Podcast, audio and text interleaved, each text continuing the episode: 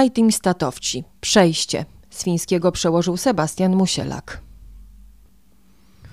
Fakty niejednokrotnie zagrażają prawdzie.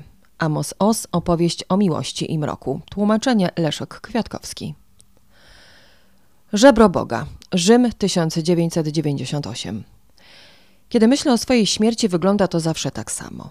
Mam na sobie jednobarwną koszulę i uszyte z tego samego cienkiego materiału spodnie, które łatwo na siebie włożyć. I umiera mi się tak lekko, jakbym schodził po łagodnie nachylonym stoku. Jest wcześnie rano i przepełnia mnie szczęście. Odczuwam błogość i spokój, jak przy pierwszych kęsach ulubionego dania. Otaczają mnie określone osoby, których jeszcze nie znam, ale kiedyś je spotkam i jestem w określonym miejscu. Leżę w szpitalnym łóżku w jednoosobowej sali i obok mnie nikt nie umiera. Na zewnątrz dzień dźwiga się do pionu, powoli, jak stary człowiek, który upadł w swoim mieszkaniu. Z ust moich najbliższych padają określone słowa, na dłoni czuję określony dotyk, a na policzku określony pocałunek. I to jest mój dom, który wzniosłem wokół siebie na podobieństwo świątyni. Następnie moje narządy, jeden po drugim, odmawiają posłuszeństwa i moje ciało przestaje funkcjonować. Mózg nie wysyła już poleceń. Ustaje przepływ krwi i serce nieruchomieje. Bezlitośnie i nieodwołalnie. To koniec. I teraz tam, gdzie było moje ciało, jest już tylko tkanka skórna, a pod nią płyny, kości i zbędne organy. No i rzeczy, które na sobie miałem. Płaty tkaniny, które nie poruszają się już w rytm czynności życiowych. Jestem 22-letnim mężczyzną, który niekiedy zachowuje się stosownie do swoich wyobrażeń o mężczyznach i wtedy mam na imię Anton, Adam albo Gideon, w zależności od tego, co mi w danej chwili najlepiej brzmi. Jestem Francuzem, Niemcem albo Grekiem, nigdy Albańczykiem. I idę w szczególny sposób, czyli tak, jak ojciec nauczył mnie chodzić na własnym przykładzie. Stawiam nogi pewnie i szeroko, pamiętając o właściwym ułożeniu klatki piersiowej i ramion. Zaciskam też zęby, jakbym chciał mieć pewność, że nikt nie wkroczy na moje terytorium. W takie dni kobieta we mnie płonie na stosie. Gdy jestem w kawiarni czy restauracji, kelner przynosi mi rachunek, nie dziwiąc się wcale, że jadłem sam. Kobieta się pali. Kiedy wymyślam, co było nie tak z podanym mi daniem i każę zwrócić talerz do kuchni, albo gdy wchodzę do pierwszego lepszego sklepu i obskakują mnie sprzedawczynie, kobieta we mnie strzela płomieniem i staje się częścią kontinuum, którego początkiem były słowa o tym, że kobieta zrodziła się z żebra mężczyzny. Nie jako on, lecz obok niego, po jego lewej stronie. Niekiedy jestem 22-letnią kobietą, która zachowuje się tak, jak lubię najbardziej. Nazywam się Amina albo Anastazja. Imię nie gra roli. Poruszam się tak, jak kiedyś moja matka, nie dotykając stopami ziemi i nie sprzeciwiam się mężczyznom. Na twarz nakładam podkład i puder. Robię oprawę oczu, biorę eyeliner i kredkę, cień do powiek i tusz do rzęs.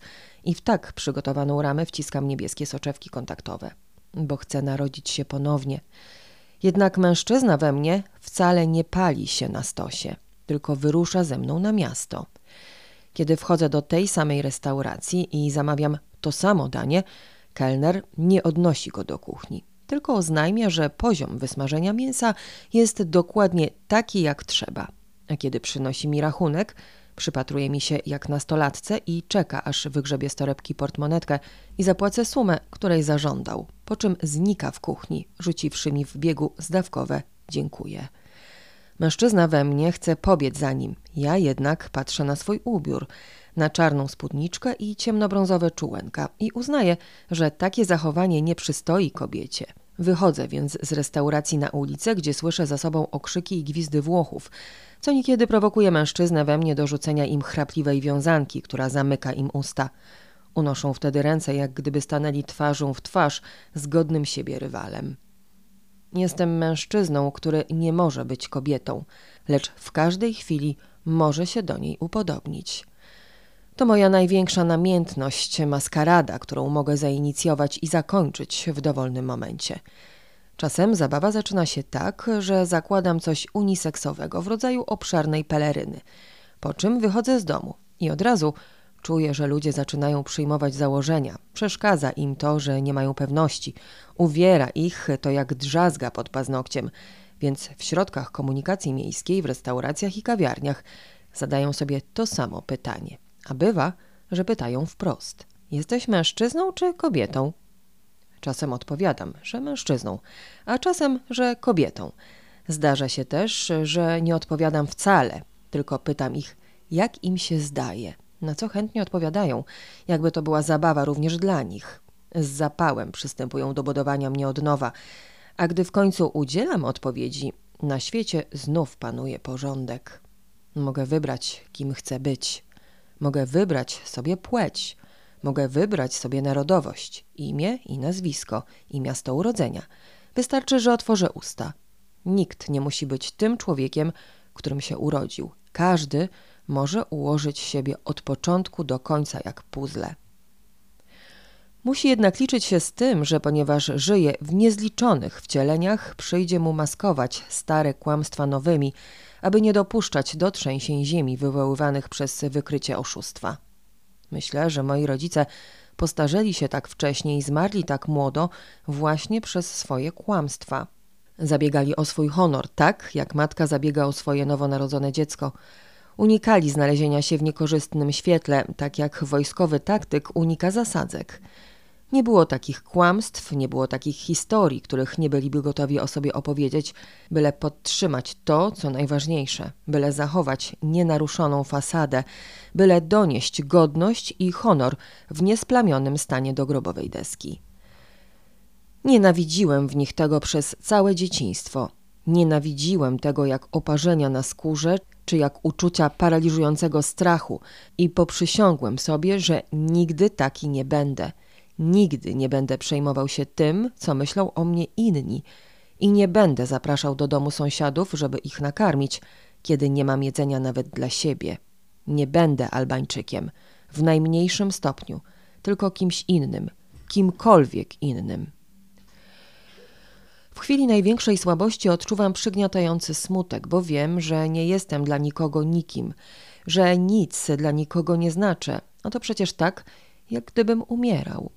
Gdyby śmierć była uczuciem, to byłaby tym niewidzialnością, chodzeniem przez całe życie w źle leżących ubraniach, bólem nogi w uciskającym bucie. Kiedy wieczorem wyciągam dłonie przed siebie albo splatam je i się modlę, bo w Rzymie wszyscy się modlą i proszą Boga o pomoc w trudnych sprawach. A to się szybko udziela, więc proszę, bym następnego dnia obudził się w nowym życiu, choć w Boga nie wierzę. Wierzę za to, że ludzkie pragnienie, by wyglądać tak, a nie inaczej, i być taką, a nie inną osobą, wpływa zarówno na szerokość ramion, owłosienie ciała i rozmiar stóp, jak i na uzdolnienia i wybór zawodu. Reszty można się zawsze nauczyć, choćby nowego sposobu chodzenia czy języka ciała. Można próbować mówić wyższym głosem i ubierać się inaczej. Można kłamać tak, że nawet trudno to nazwać okłamywaniem, już prędzej sposobem bycia. Dlatego najlepiej skupić się na samych pragnieniach, a nie na tym, co może z nich wyniknąć. I choć modliłem się o to wszystko i wielokrotnie wstępowałem do kościołów w mieście, nawet do porażająco pięknej, połykającej tłumy Bazyliki Świętego Piotra, która od środka przypomina wnętrzności rozszarpanego granatami stada zwierząt z kośćmi obsypanymi płatkami złota i obryzganymi farbą, choć uwierzyłem w ten najbardziej niewybaczalny czyn, jakiego człowiek może się dopuścić wobec ramion Boga, ten nigdy nie wysłuchał moich modlitw, nigdy nie spełnił prośby żadnego człowieka, za to zawsze chciał mieć wszystko, co mógł od niego dostać mięso, kości i każdą jego myśl. Kiedy przybyłem do Włoch, byłem pewny, że tutaj podejmę pracę, którą będę lubił, znajdę sobie kogoś, kto mnie pokocha, założę rodzinę, za którą będę gotów oddać nawet życie – Byłem pewny, że ktoś mnie odnajdzie i odkryje cały ten potencjał, jaki mam do zaoferowania światu. Czekałem rok, czekałem drugi i trzeci, aż tak się wreszcie stanie, aż ktoś dostrzeże moją wyjątkowość. Ale przedstawiciele władz i pracownicy socjalni za nic mieli moje plany i nadzieje, moje marzenia o psychologii na Uniwersytecie w Rzymie. Po prostu wyśmiali, choć im mówiłem, że kilka razy przeczytałem całą podstawową literaturę przedmiotu. Zdobądź lepiej wykształcenie zawodowe, odpowiadali. Przecież ty nie masz nawet świadectwa ukończenia szkoły podstawowej, tak jak wszyscy twoi rówieśnicy tutaj. Niektórzy nawet zdążyli skończyć już studia. Argumentowali i odsyłali mnie do domu, żebym rozważył swoje ograniczone możliwości. Branża budowlana lub obsługa klienta. Życie niewiele lepsze od tego, które zostawiłem za sobą. Z upływem czasu zauważyłem, że już nie czuję się wyjątkowy i uważam, że to najgorsze, co człowiekowi może się zdarzyć, bo nic skuteczniej nie pozbawia go namiętności. Nic szybciej nie zwraca go w stronę Boga, kiedy to człowiek chwyta tylko tę gałąź, do której może dosięgnąć, godzi się ze swoim losem i na koniec doznaje olśnienia. Jakże rzadko ludzie pozbawieni praw i możliwości skłaniają się ku temu, żeby o nie walczyć. Każdy mój dzień w tym mieście, w tych różnych wcieleniach jest bezsensowny i obojętny i z tego powodu wszystkie lata, które strawiłem na nauczanie się nowych rzeczy i języków, można wrzucić do sedesu i spłukać.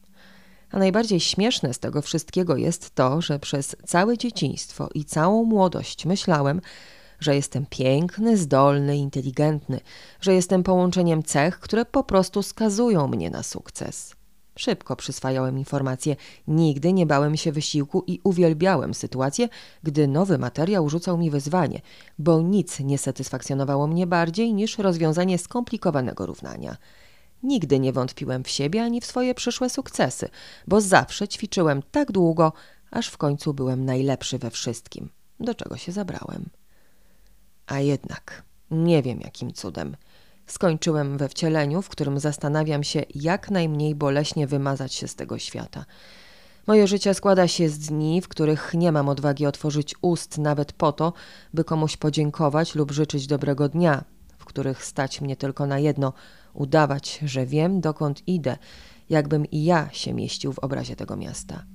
To nie jest moje życie. Te dni nie są dniami mojego życia.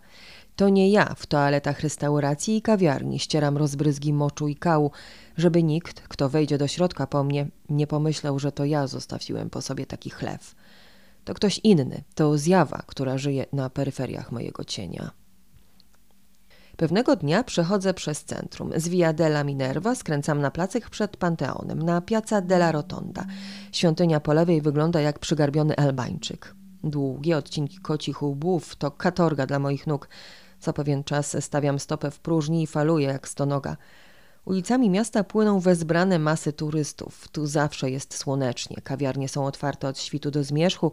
Zniecierpliwione dzieciaki przed kioskami z lodami wyglądają jak worki śmieci na zakurzonym wysypisku. Brak mi tchu, bo powietrze zapycha mi gardło mokrą wełną, a niesłabnący nawet na chwilę rozgwar na placu zrywa mi tok myślenia. Więc gdy kładę dłoń na wilgotnym policzku i paznokciami zdrapuję z niego pot, mam wrażenie, jakbym obrał twarz z jednej warstwy skóry. Przechodzę na drugą stronę placu, dalej od ścisku i zastanawiam się, o czym rozmawiają ludzie przede mną. To, co rozumiem z ich słów, zawsze brzmi w moich uszach jak obwieszczenie wielkiego idioty. Muszą gadać o tym wszystkim, o czym gada cała reszta, tak myślę. Ktoś mówi – Niech będzie, że tamta dobijająca czterdziestki kobieta z dziećmi, że dziś mija rok od śmierci jej matki, na co druga jej przyjaciółka w tym samym wieku mówi, że pokłóciła się z mężem, bo inaczej patrzą na kwestię dyscyplinowania dzieci, więc zaraz obie zaczną płakać lub się pocieszać, zastanawiać się wspólnie nad tym, jak dalej żyć, jak pokonać przeciwności losu.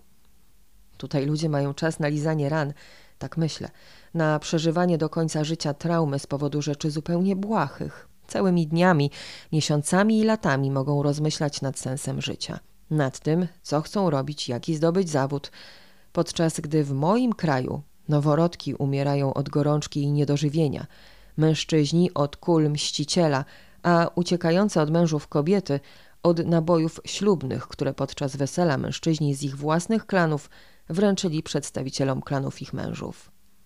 Umarłych i zabitych się grzebie – Nastaje nowy dzień i nikt nie ma czasu po nich płakać. Nikt sobie z tego nic nie robi, bo nikt nie ma czasu wybiegać myślami poza jutrzejszy posiłek i nikomu by nawet przez głowę nie przeszło zastanawiać się nad tym, czy stałem się taki dlatego, że mój ojciec umarł, gdy miałem 16 lat, czy dlatego, że moi rodzice się rozwiedli, kiedy byłem jeszcze dzieckiem, czy może dlatego, że dopiero w wieku dorosłym dowiedziałem się, że mnie adoptowali.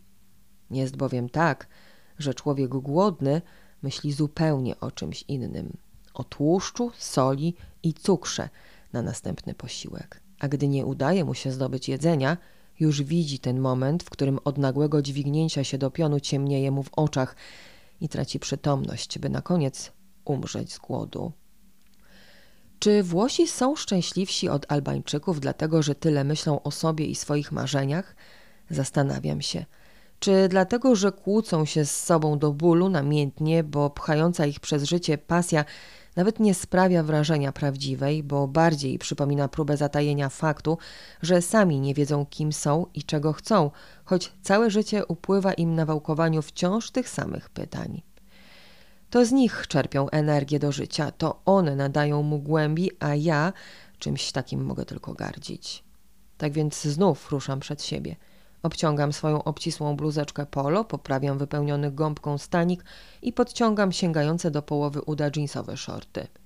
Spoglądam na idące obok szczupłe i piękne kobiety, które z dumą noszą letnie sukienki i zazdroszczę im imion. Julii, Cecylii czy Laury, sposobu chodzenia w szpilkach, wysokich głosów i tego, że rozmawiają tak, jak gdyby nie ciążyło im nawet jedno zmartwienie – że mogą dać dzieci swoim obecnym albo przyszłym mężom, rzeczy, które mnie nie będą dane nigdy, choćbym miał dla siebie całą nadzieję ludzkości i choćbym był gotów poświęcić dla nich dosłownie wszystko.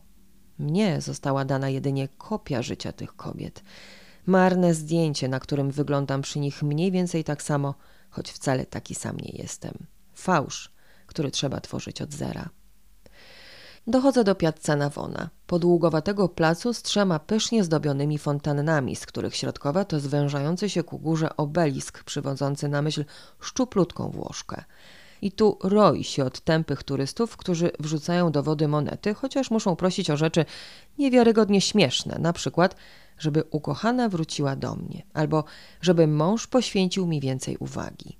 Mimo to ich rozumiem, tak przecież brzmią słowa przekleństwa. Każdy chce czegoś, czego jeszcze nie posiada, i każdy jest pewny, że bez tego czegoś nie zdoła przeżyć ani dnia dłużej. Piazza Nowona wygląda tak samo jak inne place Rzymu. Podstawa z kocich łbów, okolana jasnobarwnymi budynkami i rozdzielonymi ulicami, między którymi człowiek z trudem się mieści bez zaduszenia i które leżą tak blisko siebie, że całe miasto przypomina wielkie koszary, a otaczające je drogi ogrodzenia z drutu kolczastego, które utrzymują ludzi w określonym obszarze. Zupełnie niespodziewanie otaczające mnie budynki sprawiają wrażenie porażająco wielkich, a kamienie trotuaru liżą mi stopy, jak gdyby chciały mi je odgryźć. Udaje mi się wyrwać skądś garść tlenu i dzięki temu przemieścić się dalej. Z oczu kapie mi jak skroplówki i przez moment myślę, że pada deszcz, ale zaraz uzmysławiam sobie, że przecież niebo jest czyste. Wchodzę na most Humberta I, z którego rozglądam się chwilę na prawo i na lewo. Patrzę na psującą się pomarańczę zamku świętego anioła, na ludzi, którzy ani na chwilę nie przestają robić zdjęć, na zielone drzewa, którymi gęsto obsadzono chodniki wzdłuż rzeki, na płynący pode mną leniwy, niemal mglisty Tyber, po czym przechodzę po zebrze na Piazza dei Tribunali i idę wzdłuż jęzora uformowanego przez stopnie prowadzące do majestatycznego pałacu. Do miejsca oddalonego od przejść dla pieszych, gdzie kierowcy nie boją się dodać gazu. Oglądam się za siebie i myślę, że długo nie będę musiał czekać. Mija jednak dobrych kilka minut, zanim wyczuwam w uszach wibracje wystarczająco ciężkich opon. I wbiegam na jezdnię.